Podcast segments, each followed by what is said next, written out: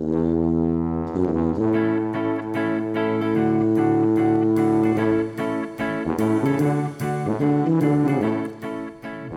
Ønsker vi velkommen til ei ny sending i Ukas utvalgte. Og i dag har jeg fått besøk av ei spennende og ung kvinne som vi skal bli litt bedre kjent med i løpet av den timelange praten. Gründerbarn, nærest oppvoksen blant butikkreoler, og ikke minst blant stands og kjendiser på Strynemessa. Hun har fartstid fra reklamebransjen og er nå flytta tilbake til Fagre Stryn. Velkommen til deg, Else Jenny Stålnakke. Tusen hjertelig takk for det. Veldig kjekt å kunne være her. Være ukas utvalgte. Veldig stort. Veldig Ja. Hvordan er livet for tida? Jo, det er helt nydelig. Livet i Fagerstien er helt uh, fantastisk. Um, jeg bruker å si at du kan bare se ut vinduet hvis du har en litt sånn stusslig dag. kan du bare se ut vinduet så kan du tenke ah, jeg bor i Stryn. Så kan du bare senke skuldrene. Eh, vi snakket på Næringsdagen om at vi skulle kjørt en sånn eh, kampanje med 'Smil, du bor i Stryn' T-skjorte. Som bare alle kunne gått rundt med. Vi har all grunn til å smile. Ja, så bra. Mm. Er du begynt å få litt uh, sommerfølelsen òg, eller skal du Sommerfølelsen? Ja, jo. det Ikke rette dagen kanskje i dag å spørre om det, men. Jo da. Her blir jo så grønt og fint òg når det begynner å gå mot sommer. Så ja, sommerfølelsen, den, eh, den har jeg. Men jeg vet ikke helt hva du legger i det, egentlig. Tenker du sommerferie, eller? Ja, det er nå vel eh, kanskje litt det at vi begynner å senke skuldrene litt og Ja, sånn, ja. ja. tenke på å faktisk oppsøke fjorden og hoppe Ja. uti og litt sånt. Men, Ja, det kan du si. Ja. Mm. Ja, nei, det er jo, det er jo travelt. Det er en travel tid òg, tror jeg, for alle, sikkert for dere òg, da. Eh, rett før eh, feriene. Um, så det er jo veldig mye som skal gjøres. Også, men jeg elsker den tida som går inn i før jul og før sommeren, der folk begynner å si i sånne Kanskje òg veldig viktige møter begynner å si sånn det, Men det tar vi over sommeren. ikke sant? Ja. Eller det tar, vi, det tar vi over jul. Ja, det tar vi over eh, Ah, det er så godt, det. Men det er liksom, da, da merker man jo òg hvor viktig er ja, hvor viktig er ting egentlig. Så det er fint at vi kan Ja. tenke litt sånn. men eh, er ikke du egentlig en sånn som liker å utsette ting, du da? Så du ville helst ha tatt det før sommeren? Ja, jeg liker ikke å utsette ting. Og Ja. vi har jo snakka om det en gang før, eh, du og jeg, da, med at For du spurte meg ja, når skulle du hatt dette ferdig. Så jeg var sånn, ja, helst, eh, helst neste uke, på en måte. Ja, nei, jeg er ikke noe glad i å utsette ting, nei. Jeg er en effektiv, eh, effektiv person. Mm. Liker å eh, Ja. Liker å bruke tida mi godt. Ja.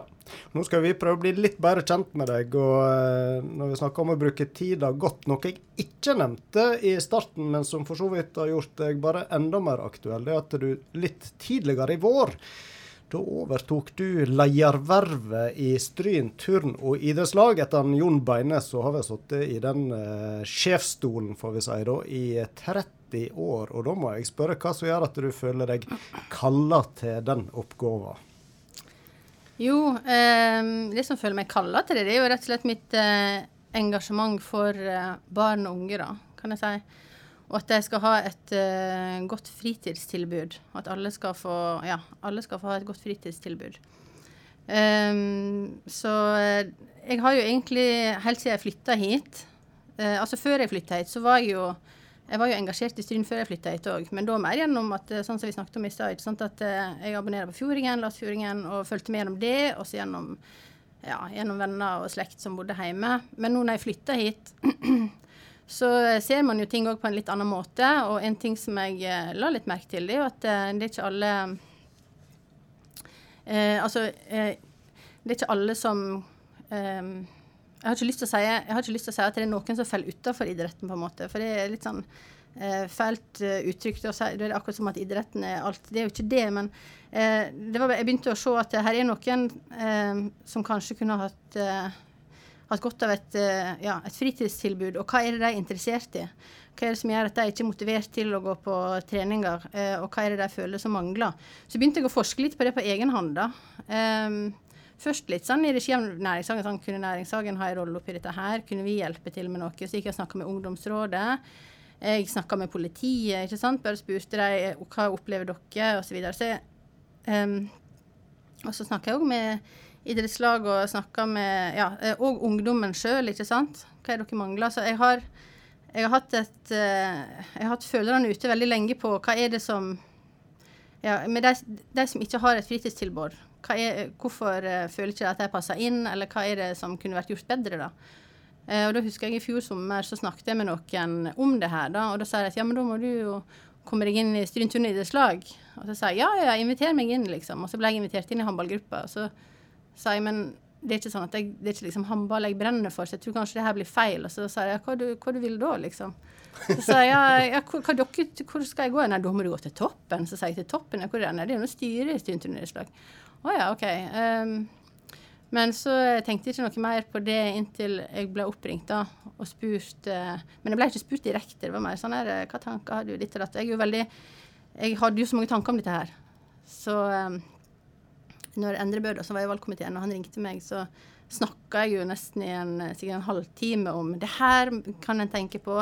Organisatorisk tenkende. ikke sant? Hvordan er det en bygger opp eh, For jeg har, jeg har jo utdannelsen min er å bygge merkevarer, ikke sant. Og det er jo veldig det kan man dra over i veldig mye, òg i et idrettslag. Så jeg hadde masse tanker om det. og så er det sånn, Hva er det som motiverer ungdommen? Hvordan kan vi nå flere? Hvordan kan vi eh, ja, få flere til å ha et fullverdig fritidstilbud? Ikke sant? Så på slutten så sa han ja, det jeg tenkte nå kanskje nestleder, men nå har du snakka deg opp til leder. Så jeg, hva du egentlig spør om her? Så ja. Men da var det jo så sånn, du kan ikke si ja med en gang. Du må, du må tenke på det over helga. Så sa jeg OK, greit.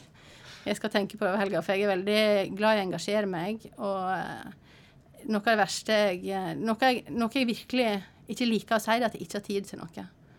Um, du nevnte gründerbarn. Jeg har vokst opp veldig mye med mormor. Mormor sa jo aldri at 'nå har vi dårlig tid', eller 'vi har ikke tid'. Ja. Så, eh, så, det merker jeg at de gangene jeg sier 'nei, det har jeg ikke tid til', så får jeg helt vondt inni meg. Og det kan jo, Men da må jeg selvfølgelig vel, Da må jeg velge hjertesaken min, da, sånn at jeg kan si at det, det har jeg tid til. Mm. Men nå har det jo vært noen måneder i vervet. Er du allerede begynt å røske litt i ting og sette i gang noen prosesser, eller er det litt tidlig ennå? Um, nei, altså det er jo aldri Sånn som vi snakket om i nettopp, det er jo aldri for tidlig, på en måte. Så uh, vi, vi, har begynt så smått, da. Uh, alt ifra sånn rent praktisk, ikke sant. Uh, vi kan nå Altså, det, er jo Dette med digitaliseringen er én ting, da. Så det er noen sånn praktiske ting som jeg tenker er veldig viktig å få på plass. men så er det òg dette med å løfte det opp til et nivå. Hva er det, hva er det idrettslaget handler om? Eh, det handler jo om, eh, om, barn og unge, eh, og at jeg skal Jeg har sagt det tusen ganger nå, men at jeg skal ha et godt fritidstilbud. og hvis en klarer å, å, løfte det opp dit og samle idrettslag enda mer, det har jeg veldig lyst til å gjøre. Jeg har sjøl jeg har sjøl vært med på håndball, jeg har vært med på fotball når jeg svømmetrener. Uh, men det er ikke noen sånn idrett som jeg spesifikt brenner veldig for. Jeg, så det eneste jeg har For jeg har ganske små unger nå, men det jeg har relatert til, det var når jeg sjøl gikk på fotball og håndball. Eh, men jeg tenker at, eh, at det, det, jeg har veldig lyst til, det er å samle, eh, samle hele idrettslaget mer under en paraply, da. Som ei merkevare, da, kan du si. Merkevare, det, for å forklare det, da. Merkevare det er jo det du tenker på når du hører eh, hører ei bedrift sitt navn, eller f.eks. Når, når du hører Stryntun idrettslag, hva assosiasjoner får du i hodet ditt da? Hva er det du tenker da? Det er det som er merkevara. Mm. Bruker å si at merkevarer di, til, merkevare til bedriften din, det er det folk sier om deg, eh, eller sier om bedriften din når du ikke er i rommet. da. Ja. Så merkevarer Stryntun idrettslag, den tror jeg står seg godt eh, enda. Men eh, jeg har lyst til at uh, alle skal føle at de er en del av det. Du skal på en måte ikke bli overraska hvis du eh, ja, er med i sykkelgruppa, og så skal du ha deg ei, en, en jakke, og så står Stryntun idrettslag-logoen på. Hva er det for noe? ikke sant? Her må vi ikke, ja, jeg tenker at vi skal samle, samle alle enda mer under en uh, paraply. Det kan være fint. Da. Det er bare positive ting med det. Selvfølgelig, Alle må drive med sin ting. Alle har jo spisskompetanse. Det er jo så, jeg jobber æra over å kunne jobbe med så mange frivillige. Så jeg føler at jeg har havna i mitt rette element der, da. Så uh, at det er idrett, det er jo Det kunne vært på en måte Jeg skulle si det kunne vært idrett, kunne vært kultur, musikk. Men det handler om den der frivilligheten, den gnisten folk har, da. Den gnisten har jo jeg òg, så det er jo det som på en måte driver meg, da. Mm. Så idrettsprestasjonene og den biten, den tenker du i ditt hode kommer litt i andre rekke i den jobben du skal gjøre. Her er det å skape ja, fritidstilbud, som du sier, som inkluderer alle. Mm. Jeg tenker at det er den viktigste jobben, eh, det er den viktigste jobben idrettslaget har. Å skape et tilbud for uh, så mange som mulig. Um, og så er det jo et problem i idretten. Dette, det du nevner der, det er jo på en måte et eh, skulle si, et kvepsebol nesten, da, med mm. at noen de, eh, de skal til Champions League, på en måte, mens andre de er med, de er med bare for å ha det kjekt og være sosiale. Um, og det er, jo ei, ja, er jo ei utfordring som jeg har lyst til å se litt mer på, og som jeg òg har snakka litt sånn løst om at eh, hvorfor, For jeg er òg veldig glad i å gripe an, eh, gripe an utfordringer, da. Og ikke bare si at ja, ja, sånn har det alltid vært, så det går sikkert ikke an å fikse. Og jeg tenker mer sånn, hva hvis vi kunne kanskje vært de første i, skulle si i verden, da, nå vet jeg ikke, men de første som faktisk finner en eller annen utrolig bra løsning på det. For jeg husker jo sjøl grunnen til at jeg eh, Nå var jeg ikke god i fotball, det skal nå sies, da, men eh, hovedgrunnen til at jeg slutta, det var jo det var fordi at jeg oppdaget at jeg var den eneste som ikke grein når vi tapte. jeg var litt sånn Hæ, hvorfor, hvorfor griner dere? Har dere slått dere, eller hva er det? Vi tapte, så nei. Så konkurranseinstinktet er ikke det som er sterkest hos deg? Nei, absolutt nei. ikke. Absolutt ikke. Så, men jeg tror det kan jo være en eh, Det kan jo være litt eh, Det kan jo være positivt. Men jeg har vært veldig klar på det når jeg skal inn i det slaget. Jeg har sagt òg at uh, hvis, dere, hvis, dere, velger meg, da får dere meg og det som, ja, det som jeg står for, skulle jeg si. Så, men uh, jeg har lyst til å Det er veldig viktig med forankring, og at folk blir kjent med meg og sånn. Vi har ikke hatt det møtet ennå, da. Så det her blir jo kanskje det første møtet, hvis noen hører på radio, da. Mm. Om hva er tankene til uh, Ja, hva er tankene hennes inni ja, inn i, inn i, bli, inn i det å bli leder da, for idrettslaget. Men jeg har i hvert fall jeg har mange, jeg har mange spennende tanker, og styr, eller det, det styret vi er nå, vi har jo vi har mange tanker som vi har lyst til å realisere. Men som sagt, det med forankring er viktig, så jeg har lyst til å ha et sånt møte med alle disse her eh, gruppene. da, sånn at vi kan, Det er viktig å ha med alle på laget hele tida. Mm. Det er et sånn veldig godt stikkord. Ja. Og så òg dette med åpen informasjon er veldig sånn for det. Så jeg snakket med Norges idrettsforbund faktisk eh, rett før jeg kom hit da, om Jeg sa at har, har ikke dere noe sånn intranett? For jeg har veldig lyst til å det skal være åpen informasjon, tilgjengelig informasjon. Folk, det skal ikke komme som et sjokk på folk eh, hvis det skjer noe. Eller alle skal vite om. Eh, vite om hva som skjer. For jeg ser at Stryn eh, baserer seg jo på utelukkende på Facebook og Messenger. Det er jo helt vilt. Vi pakka jo bilen i Oslo og skulle Nå vender vi nesen hjemover. Og jeg har jobba masse med Facebook. Jeg jobba masse med, eh, med store merkevarer på Facebook og annonsering på Facebook og alt mulig. Så jeg har liksom alltid den unnskyldninga mi vært sånn Jeg må ha en Facebook-profil fordi at fordi jeg jobba med det. Og så tenkte vi nå flytter vi hjem igjen. Næringshagen er sikkert ikke bruk for eh, Facebook der. Så. Men så kommer vi hjem og ser vi at OK, så er det ting som skjer her i styret, så har ikke vi fått det med oss. Så sier folk ja, men det sto jo på Facebook. Å, herregud. Så må, du må være der. Og jeg syns et bevis på hvor sterkt Facebook står i Stryn, det var den gangen disse her eh, Det heter ikke military tattoo, men hva det heter disse her eh, som marsjerer Kongens garde. Garden, ja. Mm. mm.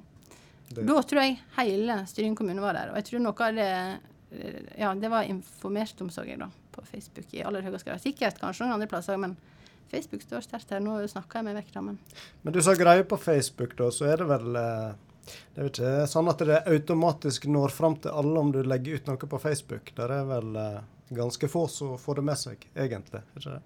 Ja, tror du det? Her i Stryn? Ja, jeg vet ikke. Nei, Facebook står veldig sterkt i syn, tror jeg. Men det jeg har Jeg driver og eh, skulle til å si ruger på et lite foredrag eller workshop for tida som jeg har veldig lyst til å samle folk litt rundt. Og det er hva gjør vi uten Facebook? Hva gjør vi hvis uh, skulle til å si, de legger ned eller lager en eller annen lov eller et eller annet merkelig? Hva gjør, hva gjør Stryn da? Mm, det lurer jeg på. Foredraget kommer jeg på. ja, for det lurer jeg på. Hva, hva har dere tenkt å gjøre?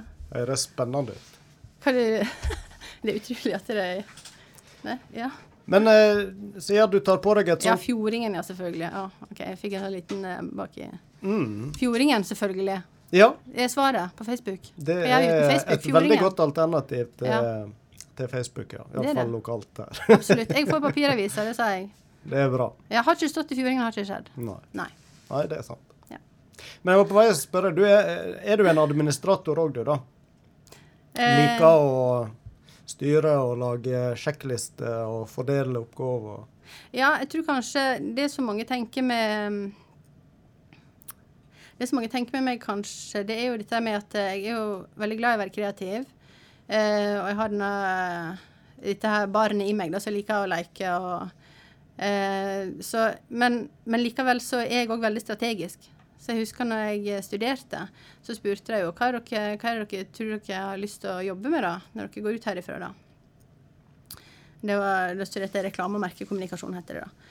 Eh, og, eh, og da husker jeg at jeg spurte er det noe som heter kreativ strateg, men det var jo ikke noe som hette det. da. Men jeg har jo fått brukt eh, både mine kreative og strategiske evner veldig godt, eh, både i næringshagen og i jobbene jeg har hatt. da. Så det stemmer, det. Jeg er glad i, å, jeg er glad i metode, da. Jeg tror at det fins Jeg er ikke flink i matematikk, men på en måte det å det at det finnes en metodikk i å komme fram til gode svar i veldig mange eh, store problemstillinger, det har jeg fullstendig tro på. Bare det, hvis du, hvis du, definerer problemet ditt godt nok, bare det kan være kjernen til å finne et svar ofte. sant? Så det finnes mange sånne finurlige Så jeg elsker sånne utfordringer som det der. Mm. Og så oppfatter jeg sånn at du er ikke redd for å røske tak i ting, og kanskje ikke en konfliktsky type? Nei, det, det, tror jeg ikke at jeg er. Nei. Det er ikke noe Jeg sa det senest rett før jeg for hit, for da hadde jeg vært i et møte som var litt formelt. Og jo mer formelt et møte blir, jo mer uformell blir jeg. Jeg vet ikke om du kjenner deg igjen. Du er jo trassig. Du er jo litt uh, sånn kreativ type. Eh, nei da, absolutt nei. ikke. Men, uh, men jeg husker vi skulle ha et sånn superviktig møte med Jeg tror det var bankaksept eller noe. og De hadde kontor i den amerikanske ambassade. Det var veldig sånn der uh, høytidelig stemning da, når vi mm. skulle få det som kunder når jeg jobba i et reklamebyrå. da. Så var det helserunde, alle hadde dress og sånn. Så husker jeg han ene sa ja, jeg, ja, jeg heter det og det, og jeg jobber som CFO. da. Og så sa jeg hva betyr egentlig CFO? Så jeg alle kollegaene mine bare så på meg med sånn OK, ikke, ikke si det, ikke begynn med det der nå igjen, liksom. Men, um, og det kunne gått alle veier, da, men han bare, han bare lo og bare Han er knappast som jeg veit sjøl, liksom. Det er vel det er vil jeg som har med pengene å gjøre. Da. Så det er en så utrolig, utrolig mye bedre måte å si det på. Utrolig mye enklere. Jeg er veldig opptatt av tydelig kommunikasjon, da. Hvorfor skal en si ting på en vanskelig måte? Mm. Jeg har fått skatteetaten til å sende smiletegn til meg i et brev en gang, for jeg ringte og sa til deg at det er her dere skriver til meg her. Det er jo ikke noe alvorlig i det hele tatt, men det ser jo så sjukt alvorlig ut fordi at dere skriver sånn som dere gjør. Og jeg har faktisk det, det, altså, Ikke at det var det som gjorde at jeg endte opp med å få den forespørselen, men jeg ble jo forespurt å komme til skatteetaten og sitte og skrive for dem og hjelpe dem med det som heter klarspråk. Og klarspråk i staten er jo en greie. Ja. Det at du skal skrive forståelig. Mm. Jeg har jobba med Forbrukerrådet, f.eks., for eksempel, og det, det, var veldig spennende. For da fikk jeg jo inn masse Da skulle jeg lage noen sånne filmer for dem. Eh, og da fikk jeg inn masse kompliserte, tunge saker der det er veldig viktig å ivareta det formelle. Men eh, likevel så eh, er det helt vanlige folk som skal skjønne det her. Sånne utfordringer syns jeg er veldig spennende. da. For det er veldig mye stammespråk overalt. Og i idretten, helt sikkert. Så dette blir jo veldig spennende. Og i næringshagen har jeg jo virkelig kosa meg med alle disse her uttrykka, disse her klingene og, og det er så mange sånne her ord. ja. Rugekasse. Husker jeg var et ord som var veldig populært. Ja, nei, kan, ja. det kan du Nei, bare glem det. Jeg ja. må ha det tydelig og enkelt og greit. Også. Det er ikke noen grunn til å kompli komplisere ting, egentlig. Mm. Jeg har faktisk på veggen min på kontoret så henger det en lapp. Der står det 'Hvordan ville det her sett ut hvis det var enkelt?' Og det er en sånn påminnelse som eh, alle egentlig bare burde hatt på kontoret sitt. Hvordan ville det her vært hvis det var enkelt? Mm. Eh, for det, vi kompliserer veldig ofte ting. Så litt endringer og forenklinger, det kan en iallfall regne med da, når du går i, nå er i gang med Stryn turn og idrettslag. Så litt, det, det, blir spennende å følge med framover. Ja, det, det, blir spennende. Ja. Det blir men, veldig spennende. Men så må jeg spørre deg, da. Eh, etter ganske mange år eh, på farten og i storbyen og ja, med studier og jobb etter hvert, så valgte du å Samboer, eller er du gift? Hæ? Samboer, ja. Samboer, ja, ja Stian Kongsvik, Håndøl. Han Håndøl, ja. Med unger og flytte eh, hjem til Nordfjord og Stryn, da. Og, mm. Eh, hva som gjorde det? Midt under den tjukkeste pandemien. Nei, vi har jo Og, her, og den historien her, den bruker jeg òg litt eh, til å minne meg sjøl på Og jeg har snakka med Tonje Bjerkan og Nordfjordakademiet ikke sant, om dette her med at det er veldig mange som sitter og har lyst til å flytte hjem til Stryn. Vi hadde jo det i tankene jeg tror i hvert fall i fem år før vi faktisk flytta. Eh, der vi tenkte at vi skal hjem igjen hit en dag. Og vi var jo på ferie her hele tida og kjørte herifra, og ungene grein. Og jeg satt og kjørte med tårer i øynene. Ja, vi skal flytte hit en dag. så, eh, så, vi hadde jo tenkt på det veldig lenge. Og jeg tror det er mange som er i den situasjonen, da. At de eh, tenker på det lenge. Så, eh, men så er det dette med jobb. Og det er viktig å ha en jobb en trives i. Og så er det vanskelig å vite hva er det som er relevant for meg i Stryn. Når du bor i Oslo, så har du kanskje en definert eh, Sånn som jeg som var tekstforfatter eller kreativ leder i et reklamebyrå, så er det litt sånn hvordan adopterer jeg det til Stryn? Sant? Eh, altså Er det Fjordingen som eh, journalist, på en måte? Ja, kanskje. Eller er det veldig mange eh, Jeg føler Stryn har veldig mange lærere. Så det er jo veldig, fin, veldig fint. da. Veldig bra, det. Men, eh, men, jeg satt og tenkte hva, ja, hva er relevant for meg her i Tynesa? Jeg bare satt og fulgte med litt. Og så ble jeg tipsa om den stillinga Næringshagen hadde ute da.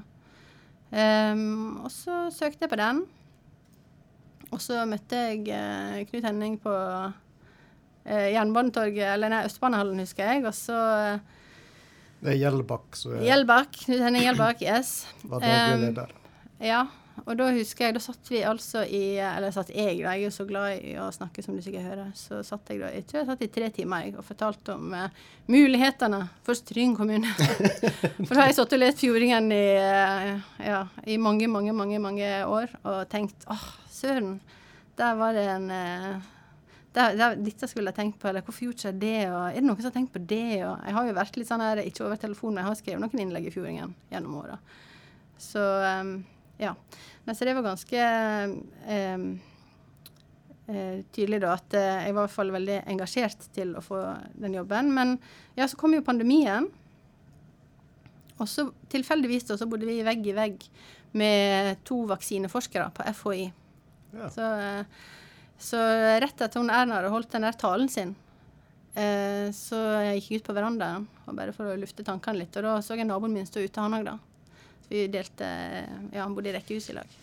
Så bare liksom stakk jeg hodet over eh, hekken, skulta saus. Og så sa jeg ja. Så jeg, jeg vet du sitter på litt mer informasjon enn meg. Hvor lenge kommer denne pandemien til å vare?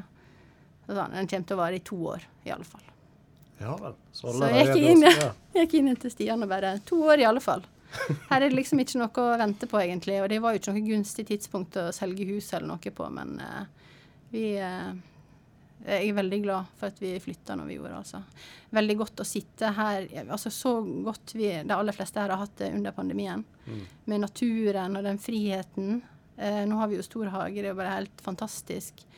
Eh, sånn som vi satt eh, i Oslo, det er, kan ikke sammenlignes, altså.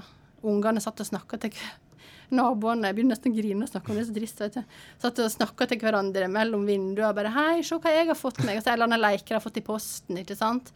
Og så ser jeg sånne Ja, man har jo Snapchat, ikke sant. Ser man sånn snapper fra Stryn der ungene driver og springer ute og leker og koser seg. For her har jo folk plen. Altså plenen vår, det var jo bare plass til et lite verandabord på den, sant. Mm. Så um, men, men, jeg så disse vaksineforskerne, de, de Jeg husker alle gikk jo på Rema og handla, ikke sant. De gikk jo, alle, alle hadde hansker og dusjer når de kom hjem. og var jo fullt sant, i begynnelsen. alle husker, eller Jeg vet ikke hvor tett, hvor, hvordan det var her. Men sånn som så i Oslo, vi var jo togpendlere òg, ikke sant. Du følte du fikk korona bare du så ut glasset. Eh, men de gikk jo aldri med hansker, f.eks. Og de, de satt og var mer avslappa, da. Husker vi snakket om sånn, de vet noe mer enn oss. Men de, de kunne jo mye mer ikke sant, om dette med luftsmitte osv.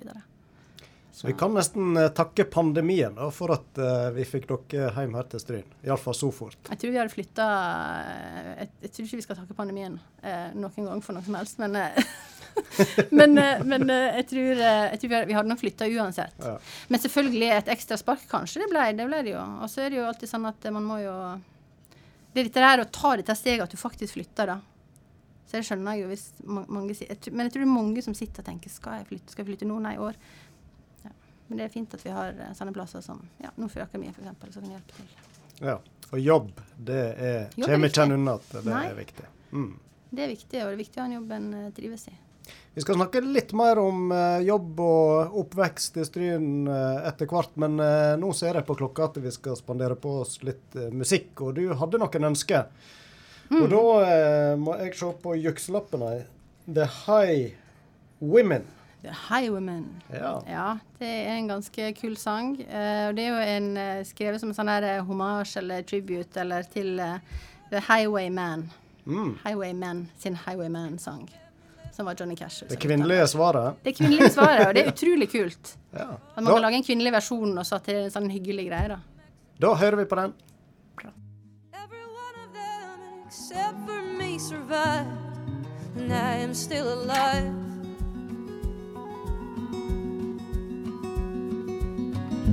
I was a healer. I was gifted as a girl.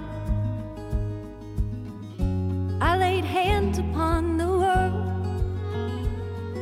Someone saw me sleeping naked in the noon sun. I heard witchcraft in the whispers, and I knew my time had come. The bastards hung me at the Salem gallows hill, but I am living still. I was a freedom rider when we thought the South had won. Virginia in the spring of 61. I sat down on the Greyhound that was bound for Mississippi.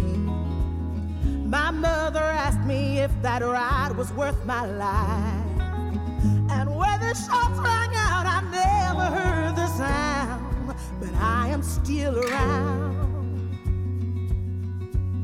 And I'll take that ride again and again and again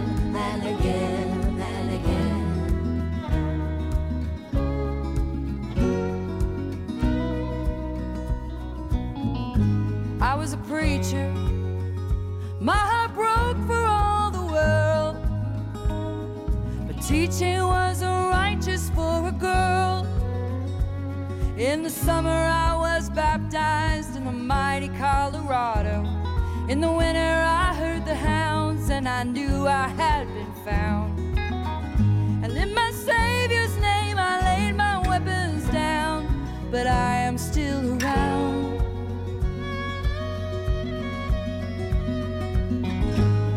the highwaymen. We sing a story still untold. We carry the sons you can only hold. We are the daughters of the silent generations. You send our hearts to die alone in foreign nations. They may return to us as tiny drops of rain, but we will still remain. Then we'll come back again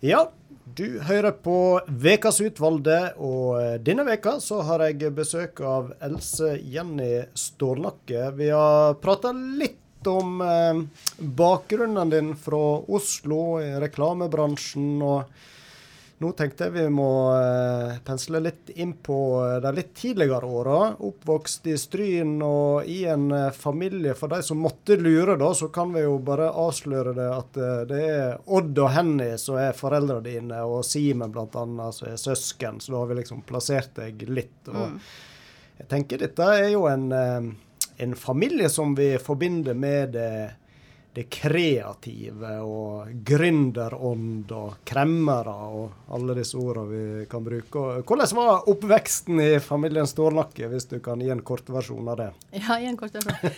Em, altså, det er jo um, Ja, det er jo veldig Jeg føler meg veldig privilegert som har kunnet vokse opp i en, sånn, i en så åpen heim, eller hva jeg skal si, da. Eh, der eh, alle tanker får lov å leve fritt, og en kan spare om eh, alt ifra hvorfor heter, hvorfor heter det pyroman og ikke fyroman? Hvorfor heter det hotell og ikke botell? ikke sant? Så kan vi sitte og eh, snakke om det liksom i en time over kjøkkenbordet. Eh, og eh, jeg husker en gang eh, En historie som jeg husker veldig godt. Det var jo når vi skulle lage sjokoladekake. Mamma har ei supersjokoladekake som hun brukte å lage sånn platekake. da. Og så er det jo alltid dette, og dette ser jeg nå når jeg har egne unger, ikke sant? så skal jo kaka avkjøle seg før du har på glasuren. Og det er jo alltid sånn her eh, Det er jo en halvtime, god halvtime der eh, som er egentlig ganske hard for ungene. Så eh, det Men det, men det var ingen, ingen hindring for mamma. Hun visste råd, vet du. Så hun tok den kaka, bar den ut, satte den bak på bagasjebrettet på sykkelen sin. Og der sykla han da i forkle rundt og rundt bjørka ute til den der skulle avkjøle seg, da. Så fikk vi nå litt underholdning samtidig, da. Eh, så det har vært eh, Det har vært veldig kjekt å, ja, veldig kjekt å vokse opp i en så jeg skulle til å si kreativ heim. Jeg har jo også fått møtt veldig mange forskjellige folk gjennom Strynemessa, og det har alltid vært liv og, liv og røre hjemme. da. Ja, du er jo oppvokst i det røde huset bak eh, Strynehallen. Eh, gammel lensmannsbostad, og det var vel basen det når det var Strynemessa som far din Odd eh, starta opp i sin tid. Det var nærmere 50 år siden nå, tror jeg. Ja. Og, ja. Hvordan var det å vokse opp der, og det var vel både den ene og andre kjendisen som dukka opp i stova? Ja, det var, men det var jo bare sånn det var hver eneste høst. Og så begynte det det begynte med at mamma skulle bake disse 200 horna sine. da. For det er hele slekta til pappa, og han, eh, han vokste jo opp med De var elleve søsken, så det var ganske mange som eh, la turen innom. eh, Og jeg har jo over 40 søskenbarn på den tida, så da skulle jeg til styremessa, ikke sant. Så da åpna vi jo Da var det jo madrasser på alle gulv og Så, men jeg var helt vant, eh, jeg var vant til det. Det var ikke noe rart med det, eh, for å si det sånn. eh, Og, eh, jeg husker en gang eh, ene søskenbarnet mitt kom springende ned, for jeg var jo fra Nord-Norge, så sa han eh, 'Mamma, Rune Rudberg står i bare trusa oppå opp på badet'. Så det var eh, Altså, kjendisene der hadde jo ikke egen garderobe, de fikk jo bare ta seg rette i vår heim, da. Ta seg til rette i vår heim. Ja. Så en fikk jo eh, En fikk jo bli Ja, eh, møte dem på en helt annen måte enn en kanskje møter kjendiser i dag. Og det har jo kanskje gjort noe med at jeg ikke Jeg har på en måte ikke den her eh, sperren eller for autoriteter eller kjendiser eller sånn som veldig mange andre har. Mm. Um, jeg har brukt å si at det eneste som kunne gjort meg starstruck, det var Leif Juster eller Wenche Foss. Men jeg tror det skal veldig mye til med at noen andre, at jeg ikke på en måte bare hadde snakka helt vanlig til dem. Men det kan jo faktisk ha litt med det å gjøre, da. Så der satt dere i stova og prata med dem om eh, løst og fast som eh, annet besøk, på en måte? da? Ja, og så lærer en jo òg at det er de som en ser på Jeg lærte jo veldig tidlig, dette var jo før internett, og lærte jo veldig tidlig òg at eh, sånn som folk er på TV, er jo ikke nødvendigvis sånn som de er i virkeligheten. Nei. Så det var jo òg veldig morsomt, da. Eh, og interessant eh, eh, å få snakke med, snakke med skulle si, mennesket bak artisten. Mm. Noen var jo artisten, eh, mens andre de var jo helt annerledes. Og det var veldig rart. Ikke sant? Forventa at de er akkurat sånn som de er på TV. Så var de kanskje ikke det. Med unntak av Rune Rudberg i bare trusa. Ja, var det, det var- var det andre, som gjorde, andre som gjorde sterkt inntrykk Å, av herregud, jeg tenkte på kanskje ikke den beste historien, men den, var, den er litt morsom. Jeg bare husker det at hun kom springende um, ja, om det var andre som gjorde, gjorde inntrykk. Vi hadde jo Mm. Vazelina Bilopphøggers, det var jo kjempemorsomt. Det er jo på en måte sånn, det er jo som noen tegneseriefigurer. Ja. Og så plutselig så står de eh, hjemme. Uh, og så glemmer jeg jo aldri den gangen Steinar Albrigtsen skulle hoppe i fallskjerm på Strynemessa. Men så uh, feiga han ut i sitt sekund, og så uh, tok mamma over. Det er litt, det er litt sånn familien min. Jeg føler jeg har arva litt den der eh, det er litt sånn, Hvem tar den her ballen? ikke sant? Egentlig òg litt sånn som i idrettslaget, for jeg tror kanskje ikke at folk sto i kø til å ta over den. Eh, det er sånn, Hvem tar den? Jo, jeg kan, jeg, jeg kan gjøre det, jeg, sier mamma. ikke sant? Og fikk et kvarter på å forberede seg til å hoppe i fallskjerm for første gang i sitt liv. Eh, så eh, ja, det husker jeg òg. Det, det gjorde inntrykk. Så, men sånne ting kunne jo skje hjemme hos oss, ikke sant? helt plutselig. Så eh, Men jeg syns at Stryn er en sånn bygd der alt kan skje. Kan jo bare dra opp den Altså bare at eh, Justin Bieber plutselig kom hit. sant? Jeg er ikke overraska over det. Altså. Det er her det skjer. Folk kommer hit. Vi trenger ikke å fare ut i verden, egentlig. Ja. Tenker du at Stryn er en ja, en plass hva er fin lekegrind, eh, om vi kan kalle det, for både far og mor din, som så nå starta opp forskjellige ting. Så var Stryn en god plass å gjøre det på. Ja. Absolutt, absolutt. Og nå jobber jo du med gründere i Stryn næringshage òg, og er det ånda lever videre på en måte? Her er grobotn for uh, mye spennende, eller? Mm, det er det absolutt. Og en av de tingene jeg var veldig positivt overraska over med Næringshagen, eh, det var jo at det kommer jo folk inn og sier 'hei, jeg har en idé, kan vi ta et møte'? Ja. Og eh, det var noe som jeg tenkte kanskje kom til å skje én gang i året. Men det har jo skjedd overraskende ofte, syns jeg, da. Og jeg syns det er så kult. Jeg elsker det. Jeg elsker når folk ser en mulighet. En mulighet. Eh, så jeg bruker å si at innovasjon det er sjenerøsitet pluss guts. Jeg, har sånn, jeg har vært og snakka til ungdomsskolene eller videregående så har jeg sagt at innovasjon kan du forklare enkelt. Du er sjenerøs fordi at du har sett et problem eller noe, så, vil du løse det. Eh, og så har du guts, for du tør og du våger og du satser, og da blir det innovasjon. Hvor mye vil du si at foreldre og søsken òg, eh, særlig Simen, som vi kanskje har lagt merke til, iallfall med de kreative og skaperevnene, hvor mye har de inspirert deg, vil du si?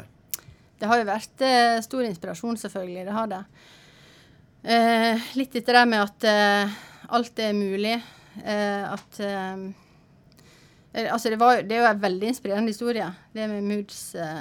ikke sant? Men det også å ha vært i kulissene under hele den reisa og har jo vært veldig lærerikt, da. hvordan de gikk fram, og hvordan de skapte en suksess. Og Eh, ikke minst dette her med å knytte til seg nettverk. knytte til seg det du trenger for å få til noe. Eh, det, det, har jeg kanskje tatt med meg mest ifra. Eh, ikke sant? Og det har mamma òg vært veldig på hele tida og sagt at hvis du For det er veldig mange som har en idé, ikke sant, og så tenker åh, nå skal jeg profitere på den her helt alene, og ingen skal vite om den. Men du er én person, og så kanskje er ikke du flink på økonomi, eller kanskje er ikke du flink på markedsføring. Da må du tilknytte deg folk, da. Og jeg tror det var en av nøklene til Moods. Og jeg ser jo at Simen har alltid vært så flink til å bygge nettverk. Mm. Han har jo en, altså, han er jo kjempevennekrets. Så det har jo vært veldig inspirerende å bare følge med på det. Um, men selvfølgelig de andre søsknene mine òg må jo nevne de òg. Ja, men det er veldig inspirerende, de òg. Det er de. For vi har alle hatt den uh, samme fine oppveksten med den der åpenheten og ja. Det med at vi, vi er veldig tett knytta i lag, da. Så er, vi snakker med hverandre hver uke og sparer rundt. Og hvis jeg trenger noen eh, råd Altså, jeg ringer Simen rett som det og sier Simen, nå trenger jeg råd. Jeg går liksom rett på sak. bare, Yes, OK, hva er det? Eller jeg kan ringe søstera mi, eller lillesøstera mi. Og senest i stad var lillesøstera mi som trengte råd fra meg. Så vi er veldig sånn ja, godt sammenknytta gjeng. Og mamma er med. og men, men hva er med gründergenene hos deg, da? Nå har du på en måte jobba i bedrift, eh, stort sett, sånn som jeg mm. oppfatter det. Men uh, går du sjøl med tanker om å starte noe, eller? Jeg har jo sett uh, kjempemange firmaer skulle si, både oppstå og bli lagt ned i min familie. Og på et tidspunkt så skulle vi på ferie, og da var jeg den eneste ikke hadde egen bedrift. så det ble litt sånn Hæ, men hvorfor kan ikke vi, kan ikke vi være vekke 14-15 dager? Men nei, det går faktisk ikke, for jeg får ikke fri mer enn ti. Så, Hæ, men det var liksom ingen som hadde forståelse for det, da. Eh, så ja, jeg har jo jobba veldig lenge eh, i bedrift. Nå har jeg faktisk et enkeltpersonsforetak der jeg jobber med reklamebyrået i Oslo, da. Eh, bare med tekst og litt sånn kreativ ledelse eh, på sida. Så eh, Men eh, men selvfølgelig, jeg har jo kjempemange, har jo hatt så mange ideer. Men det er jo noe med at du vet arbeidet, da. Så hittil så har jeg vel ikke følt at noen av de ideene jeg har hatt, har vært så god at jeg tenker at her er jeg villig til å eh, gå gjennom ild og vann for å få det her til, da. Uh, og gjøre noe helt, uh, sånn, helt alene. Så, men det, det, kan jo komme, da. Og da vet jeg jo at jeg har veldig mange gode rådgivere rundt meg, da, hvis det mm. skulle skje. Men det er ikke sånn at uh, Simen har lagt lista høyt for hva som er en god forretningsidé nå, da? Ja, at du må på moods-nivå før det liksom er ja, litt så Ja, jo. Han har jo det. Han har jo det. Nei da. Eh, nei, jeg tror eh, vi klarer også å skille skulle si, altså, En god idé det kan, være, det kan være så mangt. Det trenger ikke nødvendigvis å være den ideen han hadde. Og jeg syns det er så kult det som de starta foredragene sine ofte med. Sant? Det siste verden trenger et nytt klesmerke. Det er veldig, veldig morsomt. Um, men selvfølgelig, altså Det er jo eh, det er noe å leve opp til, det er jo det. Men jeg tror kanskje vår familie har vi har opplevd Moods på en litt annen måte kanskje enn alle andre, da. Mm. Simen er veldig jordnær. Så, og, eh, og jeg husker folk spurte meg er han like glad på ekte som han er. Eh, jeg sa ja, han er faktisk det. Men er du en, eh, fra en familie med historiefortellere? Så tenker Moods er jo på en måte historiefortelling. Det er jo kanskje det som gjorde dem spesielle. De var flinke å lage et univers mm. rundt kledene. Kledene er noe så Simen ja. sjøl sa kanskje sist en trengte, men mm. historier der. Og du jobber jo med reklame, og der er det jo historiefortelling òg ofte. Mm. Er, det, er, det, er, det, litt sånn kulturen i, i Stålnakke-familien at en ja, liker å fortelle historier? det tror jeg. Eh, det tror jeg absolutt. Eh, det og um, Mamma har jo alltid snakka om dette her med at innpakninga er så viktig. ikke sant? Hun har mm. alltid sagt at uh, du kan ha liksom hva som helst, men hvordan skal du pakke det inn? Hvordan skal du skippe det? på en måte? Eh, litt sånn metaforisk, da. Og det er jo helt riktig det som du sier, vi er veldig glad i, veldig glad i å fortelle glad i å fortelle historier og på en måte skulle si konseptualisere ting, da. Jeg husker det var en periode når eh, ja, søstera mi var tenåring, og liksom det lå litt mye klede og flaut på gulvet. da. Og da klarte vi til og med å lage et helt eget konsept ut av det med at vi lagde sånn bitte små sånne kunstinstallasjonlapper. Og så festa vi det. Jeg satt vi det ved siden av i sånne små rammer, og så skrev vi sånn her eh, 'skitten genser' av Hanne Sofie Stålnakke. Så hadde vi liksom sånn her uh, Ja, så vi er veldig glad i å Vi er, kan, vi er veldig glad i å gjøre veldig mye ut av veldig lite, da. Ja. Så vi, er- vi har den moroa vi lager sjøl i vår familie. Så vi storkoser Fantastisk. storkoser. Du, skal vi høre litt musikk til før Ja, vi går inn for uh, siste bolken i sendinga her? Og uh, da var det 'Burn the Witch'. Ja. Jeg har notert her. Da Ja. må du fortelle, for det òg er vel et band som kanskje ikke hvem som helst Nei, eh, Radiohead. kjenner. Jeg har alltid vært superfan av Radiohead. Og det som er kult med Burn the Witch, det er en sånn her eh, klassisk eh, Det, det klassiske musikk møter pop Det blir kalt en litt sånn kunstnerisk popsang, da. Det skulle jo passe bra Ja. bakgrunnen i denne praten, iallfall. Ja, ikke sant? Ja. Det er litt sånne kontraster som møtes. Veldig kult. Kjempebra. Da hører vi på det.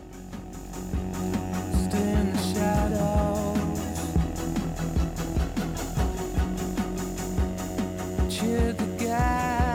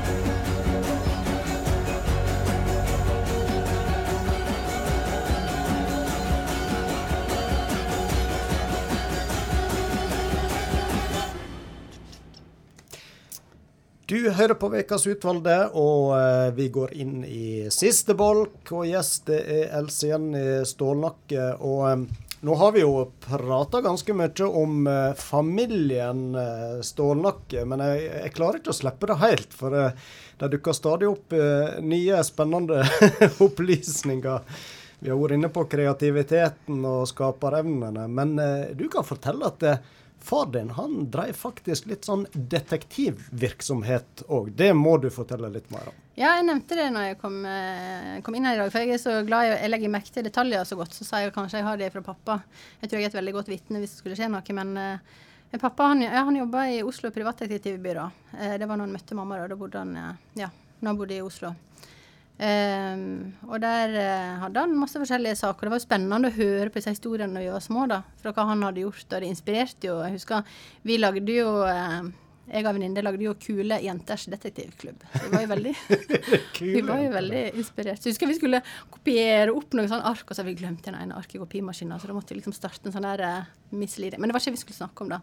Uh, men det er i hvert fall med ja, så det er veldig artig det med, med at pappa var privatdetektiv. Det er kanskje ikke så mange som vet. Nei, det var helt nytt for meg. Jeg, Mm. Kan du huske hva han fortalte type saker han var framme med, eller var det litt hemmelig? Jeg husker, ja, Det var jo mye hemmelig, selvfølgelig, men det som var veldig eh, Det som jeg husker altså det var jo litt, det som man ofte tenker sånn glamorøse jobber. ikke sant, Pilot. Jeg hadde jo lyst til å bli pilot på et eller annet tidspunkt. Så snakka jeg med en pilot, han bare Det er kjempekjedelig. kjempekjedelig.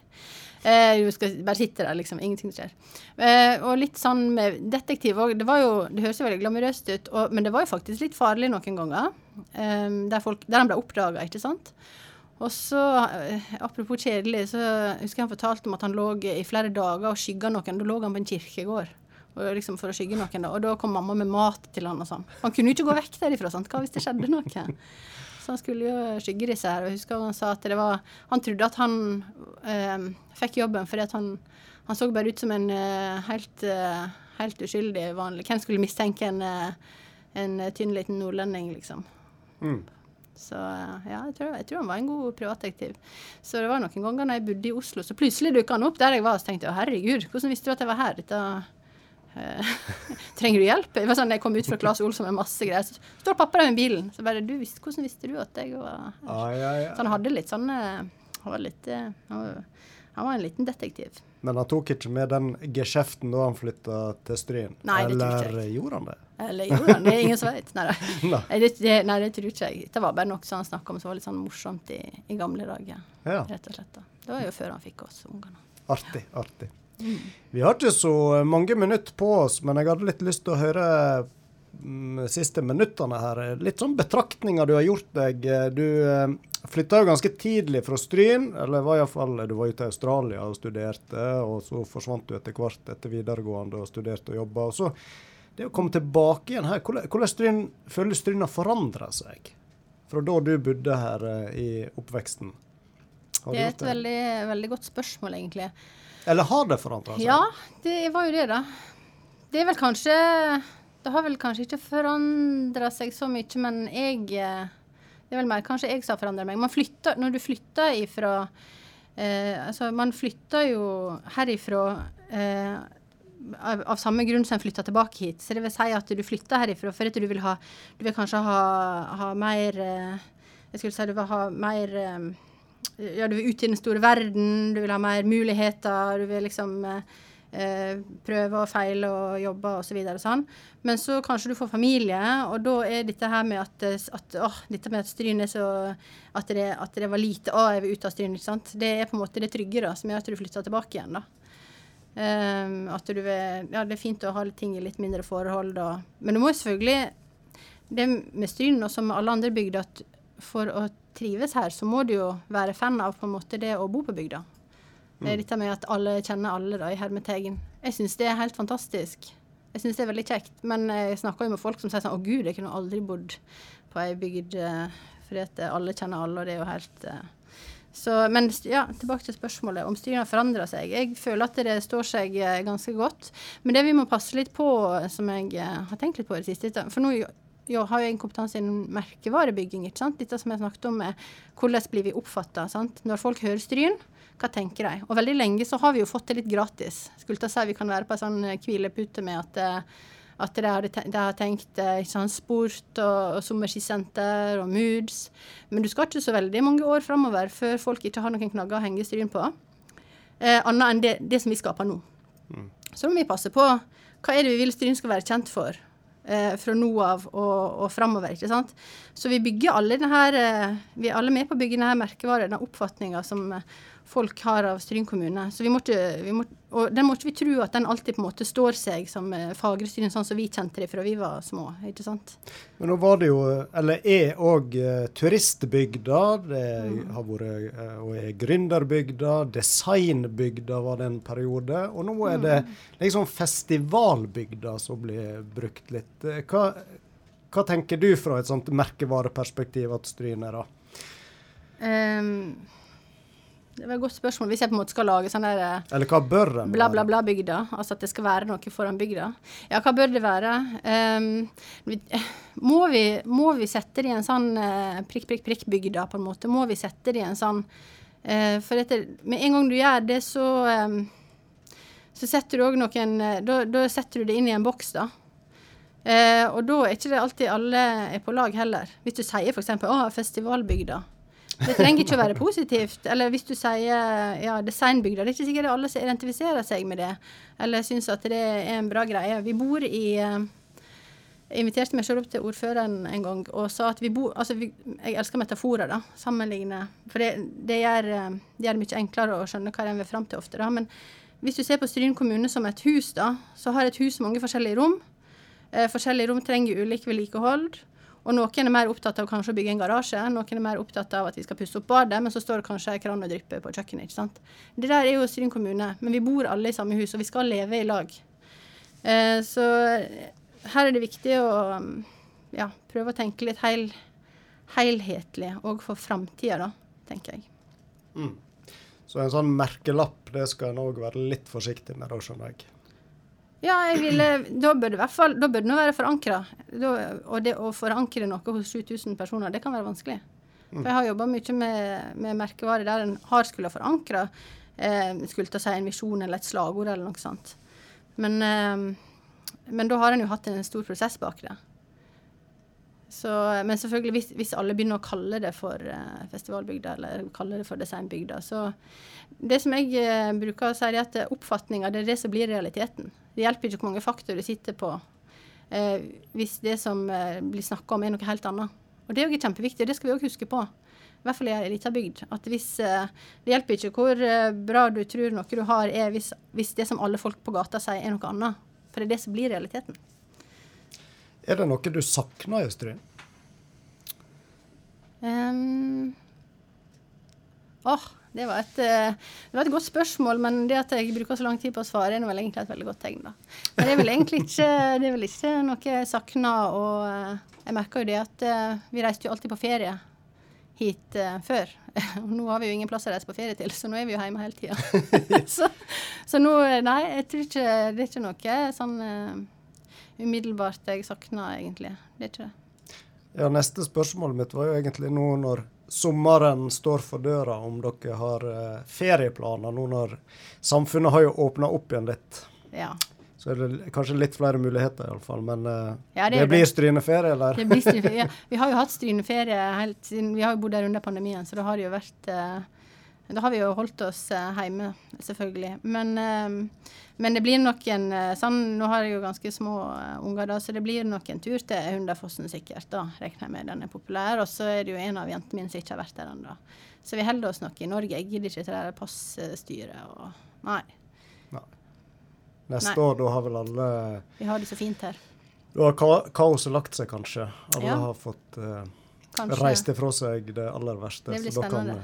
Eh, vi andre reiste utlandet. Men jeg er ikke den som på en måte hele tida skal reise en plass. Og det er òg litt sånn tilbake til jeg mener oppveksten jeg fikk litt med mormor. da. Mm. Hun, kunne, hun kunne jo sitte i flere timer på kafé og bare stirre ut i lufta. Jeg kan ikke det, da, men, men dette med at uh, hun sa det er så viktig å ha det godt med seg sjøl. Og jeg tror uh, Um, hvis du har det, hvis du har det godt med deg sjøl og uh, din familie, så trenger ikke du hele tida å fyke ut på ferie hele tida. Mener, det er jo kanskje litt sånn bold statement, eller ha, Ja. Men jeg, jeg, eh, vi koser oss, da, for å si det sånn. Der vi er. Mm. Du har nevnt bestemora di et par høve. Ja, mormor. Var ikke det hun som eh, var, hadde den berømte vaffeloppskrifta? Den berømte vaffeloppskrifta, ja det kan du si. Jo, det var jo vel Som egentlig det. Ja, det var jo. Moods, eh, Moods mormor det, da. Hun var jo veldig stolt over det, da. Ja. Ja. Kan du oppskrifta? Eh, ja, det kan jeg. Jeg husker da jeg var liten og eh, eh, når jeg var liten, så eh, husker jeg spurte om hva er hemmeligheten, eh, hva er hemmeligheten eh, mormor, med, med vaflene dine. Så vi skal ha fløte og vaniljesukker. Ai, Ja, så nå vet dere det. Den er bare å plukke opp. Kan vi kose oss på terrassen eh, i eh, sommervekene som står for oss. Uh, Elsiene Stålnakke, tida den har rett og slett gått ifra oss. Mm. Hvis vi skal rekke litt av siste musikken skog, så må vi nesten avslutte. Og da skal du få lov å fortelle kort om den sjøl. Ja, Chick Habit med April March. Den eh, er en veldig, veldig kul sang. Nok en gang disse kontrastene som jeg er veldig fan av, da, og i musikken, da, så er det en ganske Det er en sang som har et ganske litt sånn tungt budskap, men musikken er veldig lett. Eh, og litt sånn eh, direkte oversatt. Den er jo egentlig Den fins jo også på fransk. Eh, så er det ikke kødd med jentene. Og jeg syns det er veldig, veldig kult budskap å komme med på Var det vel 1954 eller noe den var gitt ut, den her. Da skal vi høre på den, og så sier jeg tusen takk for besøk eh, i studio, Elsiene. Tusen takk for at jeg Vel- fikk komme. Veldig trivelig. Og så kan jeg bare nevne at eh, vi er tilbake med ny søndag neste onsdag. Da sier vi takk for oss i ukas utvalgte Chick Habit.